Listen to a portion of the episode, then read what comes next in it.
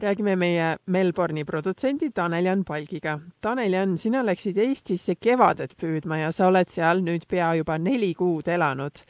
räägi, kuidas see sinu kevade püüdmine ja Eesti kevade kogemine siis läinud on, oled sa oma reisiga ja selle eesmärkidega rahul? tere, Triin, tere, Austraalia eestlased! jah ähm,, nagu ammu jah, mul plaan oli, et ma tulin siia Eestisse kevadet püüdma siis sellel aastal, ma ei tea, kas minu õnneks või õnnetuseks ähm, või ka kõikide eestlaste õnneks, õnnetuseks saabus kevad äh, väga pika hilinemisega. et äh, selles suhtes kogeda täiesti harukordselt teistlaadset kevadet, et isegi paljud eestlased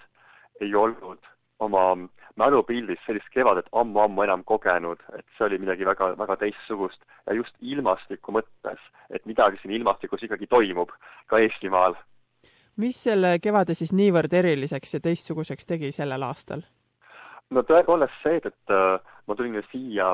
noh, põhimõtteliselt äh, talve lõppedes, et niisiis kevade algusest kuni nüüd varsti lõpeb tõesti kevad ära, kahekümne esimesel juunil lõpeb sel korral kevad ametlikult, et see kevad lihtsalt tuli tohutu hilinemisega, võiks öelda lausa kolmenädalase hilinemisega, et kui varasemalt noh, on ikkagi palju-palju soojem olnud, siis sel korral on kevadest saadud eriskummalised külmalained, et kui, kui võib olla ühel hetkel, et on tõesti kaunis kevad, päikesene ilm, no lausa võib-olla neliteist kuni kakskümmend kraadi sooja, siis äh, väga kiiresti ühe päeva jooksul järgmisel päeval võib tulla hoopiski külmalaine, mis toob selle temperatuuri lausa tajutavalt miinuskraadide tasandile. et äh, see oli, see oli üks huvitav kogemus ja see ei ole ainult mitte huvitav ka inimestele kogeda, vaid ka tegelikult ka Eesti loodusele. et kogu see looduse ärkamine on sellel kevadel olnud väga, väga, väga pikaldane ja seda pikaldast looduse ärkamist tegelikult võib tajuda ka natukene inimeste olekus ja olemises, et sellest kevadest ollakse väsinud. aga lõpuks noh, päike on loomulikult lõpuks välja tulnud ja soojem on, et noh, siin statistiliselt on ka öeldud, et tegemist oli ikkagi väga anomaalse ja, ja külma kevadega näiteks aprillikuud nii külma ei ole olnud alates aastast tuhat üheksasada kuuskümmend üks. et tegemist oli väga-väga külma aprilliga, et kus tuli lausa ju lumi maha taaskord. iseenesest ei ole selles mitte midagi uut, et lumi tuleb aprillikuus maha, et seda on ka varem juhtunud, aga sel korral ikkagi oli šokeerivalt ähm, külm ja lumine. noh, teine huvitav ilmastiku anomaalia oli näiteks teisel juunil, kui Kunda kandis Kirde-Eestis oli küll õhutemperatuur plusskraadide poolel seitse kraadi, kuid tegelikult võis tol päeval hommikul vabalt panna talveriided selga, sellepärast et tajutav õhutemperatuur oli miinus viis koma üks kraadi. et äh, need arktilised jugavood, mis nüüd ähm, Eesti kohale jõuavad järjest enam, et need ikka tekitavad paraja kliimakaose siin. et see on, see on selline huvitavaid märke, mis on toimunud no muidugi noh, looduse suhtes, et kuidas see kevad on saabunud, ikka ootad, et tulevad lumikellukesed, nartsissid, et kõik need lõhnad, mida tahaksid kogeda, siis sellel aastal on kõik toimunud hilinemisega. no ja näiteks nüüd on meil siin ju juuni keskel, sa võid vabalt minna oma koduaeda ja jätkuvalt veel näha paari tulpi õitsemas. läbi selle võib tajuda ka iga aednik või lihtne eestlane, et, et, et loos on tõesti sel korral ääretult aeglaselt ärganud siin Austraalias teispool maakera levisid ka sotsiaalmeedias Eestist fotod lumistest tulpidest ja nii edasi, et äh, mida need Eesti loodusteadlased on öelnud, et äh, kuidas see lindudele on mõjunud, putukatele, kas need külmad on mingisugust saaki juba varakevadist, mingisugust taimemaastikku seal hävitanud või kas on sellest ka juttu? kusjuures selles suhtes saaki ei ole küll või ütleme siis nagu talinisu või et mis võiks nagu eestlaste leivapoolist hiljem mõjutada, et hetkel tegelikult äh, selles osas ei ole mingeid kahjustusi toimunud, et ka rändlinnud on kohal kõik ilusti, linnud loodus loomulikult oskavad ju kohaneda kõige selle muutustega, mis toimuvad, kuid noh, ilmastikuteadlased ikkagi siin ütlevad, et, et me oleme ka osa sellest suuremast, mitte küll nüüd kliima otseselt soojenemise protsessist, aga suuremast kliimamuutuste protsessist, et tegelikult ähm, enam ei ole korrapärasust ilmastikus, et me võime vabalt valmis olla ka uuesti suvel sellisteks ootamatuteks külmalaineteks. Ja ikkagi on jõutud järeldusele, et seda tekitab, seda anomaaliat siin tekitab meil Arktika kohal ringlev jugavoog, mis noh, aastatuhandeid on suhteliselt sirgjooneliselt seal Arktika kohal pöörelnud, kus siis see külm õhk on, aga kuna nüüd siis jää sulamisega seal arktilistel aladel on tekkinud ebakorrapärasused, siis see jugavool on hakanud looklema ja need looklevused võivad lausa nii kaugele välja jõuda kuni Sahara kõrbeni, noh, aga see on niisugune ekstreemne looklevus, aga üldiselt noh, ta nüüd lookleb seal nii-öelda päris vöötme, poolparasvöötme piirkonnani välja ja püsib nii-öelda noh, päris pikalt nendes kohtades. et siis tõesti võib-olla üks päev on sul ilus päikesene ilm, siis järgmine päev võib olla tõesti külmapoolsem et ja need temperatuuri kõikumised on palju drastilisemad selles suhtes. et võiks võrrelda lausa nii-öelda, et, et meil on nagu nüüd siin Melbourne'i kliima, et kus sa pead olema valmis kõigeks. noh, kui, kui tuua mingit niisugust nagu võrdlust äh, allpool Melbourne'i kandis elavate e eestlastega. aga üks huvitav fenomen on veel, mida see kliimamuutus Eestile kaasa toob või on juba ka toonud tegelikult, on näiteks, et ähm, väga sellised ähm, tugevad vihmavalingud väga kiiresti kusagil tekib torm ja tuleb selline vihmavaling ja see tekitab uputusi. no mitte küll selliseid uputusi, nagu Austraalia kogeb, eks ole, kus tuleb äh, orkaan käib läbi ja on suured territooriumid uputatud, et Eesti puhul me räägime ikkagi sellistest lokaalsetest uputustest ja väiksematest juhtumitest. aga see on huvitav, mis selle informatsiooni käigus on välja tulnud. et noh, näiteks eelmisel aastal, kui oli üks suurem uputus Lõuna-Eestis Tartus, aga see oli juulikuus, siis nüüd on juba Tartu oma esimese uputuse ära kogenud, mis oli siis just hiljuti, eelmisel nädalavahetusel, juuni keskel. aga millest on hakatud rääkima, on hakatud hoopis sellest, et linnades on inimesed hakanud oma hoove ja üleüldse ka linna arhitektuuris liiga palju kasutama asfalti, maastiku kinni killustikuga katmist, kividega kinni katmist, et tegelikult on järjest vähemaks jäänud muruplatse sellist rohelist äh, loodust, muruplatsi, kuhu tegelikult see vihmavesi saaks imbuda. ja kuna ei ole vihma veel kuskil imbuda, siis linnakeskkonnas ja ka enda hoovialadel tekivadki uputused.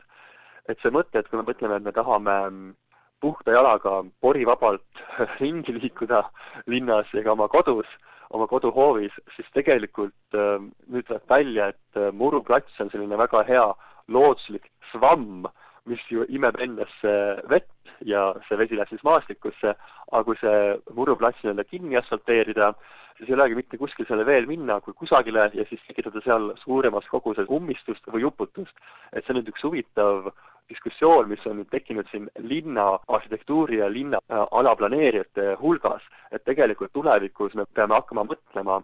selliste ekstreemilmastiku tingimustes äh, pigem rohkem selle peale, et äh, meil on vaja jätta hoonete vahele muruplatse, et looduslikult vähendada ähm, uputuste ohtu. sest sel korral jah, juba Tartus uputas seal Kitsal tänaval, uputas Lõunakeskuses, uputas Riia tänaval, et äh, ja juba juunikuus, et äh, noh, kevadel põhimõtteliselt kas Eestis mereäärses riigis nagu ka Austraalias räägitakse kliimamuutustega seoses ka sellest meretaseme tõusust? kas selle pärast tuntakse hirmu näiteks? no hetkel on see kliimamuutuse tajumine tegelikult inimeste teadvusesse jõudmas just tänu sellele ekstreemsele kevadele, mis meil oli, et artikleid sellekohased on ajalehtedes hakatud avaldama põgusalt. otseselt merevee tõusu ohtudest Eesti meedias veel ei räägita, ma arvan, et seda tajutakse piisavalt kauge ohuna või ei tajuta seda veel piisavalt ohtliku ohuna, sest tõepoolest Eesti on ääretult madalalt laskuv maa. no muidugi Eesti puhul räägib ju kasuks natukene see, et ta ikkagi iga-aastaselt paar millimeetrit see Eesti pind tõuseb. see on väike lohutus. Praegusel hetkel jah, et ei ole mingeid, ma ei kujuta ette, kas võib-olla Keskkonnaministeeriumil võib-olla on juba mingid strateegiad, aga ma eriti ei usu, et see, see nende teemadel on, et see kõik, see kliimamuutusega tegelemine toimub ju ka Eestis hetkel läbi Euroopa Liidu direktiivide ja selle uue Pariisi konventsiooni. otseselt jah, on küll vist kaardistatud, et millised alad on ohustatud, eks ole, Lääne-Eesti, Pärnu kant, saared, et need on kindlasti kaardistatud, aga kas seal mingid strateegiad on selle kohta, ma ei oska vastata millised teised päevakajalised keskkonnateemad sulle seal Eestis nüüd neli kuud elades silma on hakanud? no ikkagi väga-väga suur teema on äh, Eesti äh, Riigimetsa Keskuse poolt metsamajandamise teema ja see on, see on nüüd ikkagi väga pikalt õhus olnud kogu selle kevade jooksul ja see on jätkuvalt õhus. ja see ongi huvitav, et tegelikult globaalselt ju peaks võtma seisukoha, et ähm, kuna kliima soojenemine nii-öelda siis ametlikult toimub ikkagi ju, et äh, noh, metsade langetamine nii või naa ei ole hea otsus sellises olukorras, kus meil tuleb tegelikult seda süsinikku kuidagi atmosfäärist kinni siduda. et teine noh, tegelikult siin Tartu kandis ongi huvitav diskussioon veel see, et ärimehed soovivad teha suure investeeringu ja Emajõe kaldale rajada sellise tohutu suure puidu rafineerimise tehase ja kas see läbi läheb projekt või ei lähe läbi projekt, seda ei oska keegi veel hetkel öelda, et need, need keskkonnaanalüüsid ka siin toimuvad. aga see on jah, jätkuvalt metsade langetamise teema või juurde istutamise teema on jätkuvalt siis selline suurim keskkonnaalane küsimus. et ühelt poolt on siiski inimesed, kes ütlevad, et minge siis palun istutage metsa juurde, et olgem proaktiivsed, nii-öelda proactive, et võtke midagi selles suhtes ette, et mets on ju taastuv keskkond ja teiselt poolelt on ikkagi inimesed, keskkonnakaitsjad, kes ütlevad, et et metsade langetamisega me hävitame ära ka elukeskkonda seal ja ja me tegelikult, kui me istutame puid juurde, siis sellise uue ökosüsteemi loomine võtab ju tohutult, tohutult kaua aega. Ja et kus see tasakaal asub seal punktis, hetkel, hetkel ma ei oska öelda, et Riigimetsa Keskus omalt poolt ütleb, et kõik on korras, raiemahtudega on kõik korras, samas inimesed ütlevad, et ähm, et kui metsades ringi vaadates, lageraiet just liiga palju ja see on nagu see peamine teema, mille vastu siin metsamajandamise juures ollakse, ongi see lageraie. enam ei tegeleta nii palju harvendava raiega, kui just sellise, mm, tekitatakse sellist nagu tühja ruute, et äh, see nagu ärritab väga paljusid inimesi Eestimaal aga jah, siin hetkel ei ole jah, sellist otsest lahendust ka ei ole laual kellelgi välja panna, et et inimesed protestivad selle vastu küll jätkuvalt globaalselt mõeldes tegelikult oleks ju kasulikum, kui see mets kasvaks ja metsa kasvaks juurde, kui see, et me seda jätkuvalt langetaksime, sest kuidagi peab seda nii-öelda süsinikku atmosfäärist äh, tagasi maa peale või puitu tagasi siduma.